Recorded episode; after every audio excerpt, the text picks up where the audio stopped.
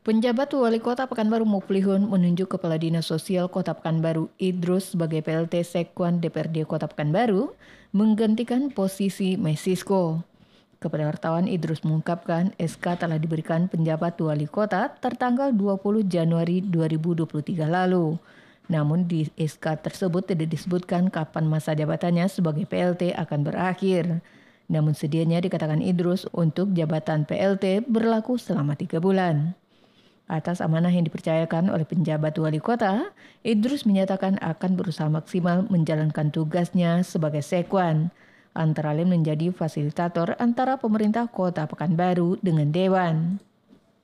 Pasca ditunjuk sebagai PLT Sekwan, Idrus juga mengaku telah melakukan komunikasi dengan jajaran pimpinan Dewan secara formal. Di lain sisi terkait dengan rangkap jabatannya ini, Idrus juga menyatakan tidak tidak akan mengganggu tugas pokoknya sebagai kepala dinas sosial karena menurutnya ada perangkat yang telah profesional yang ditunjuk oleh wali kota untuk membantunya.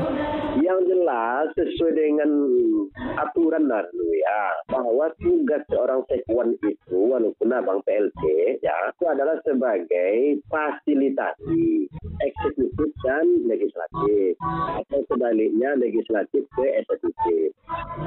Kemudian tugasnya tentu koordinasi ya bagaimana mengkoordinir mengkoordinir dan mengkoordinasikan seluruh tugas-tugas yang ada di legislatif dan eksekutif. Timbal balik lah ya. Nah, kemudian juga mengkoordinasikan tugas legislatif ke konstituennya, ke masyarakat, ke rakyatnya kan.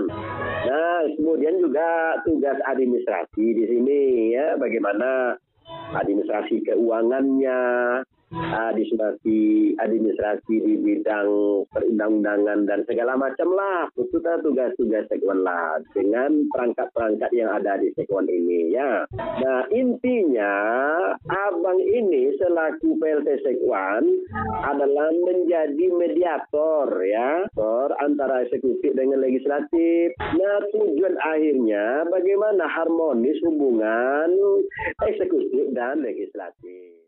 Desi Suryani, Tim Liputan Barabas, melaporkan.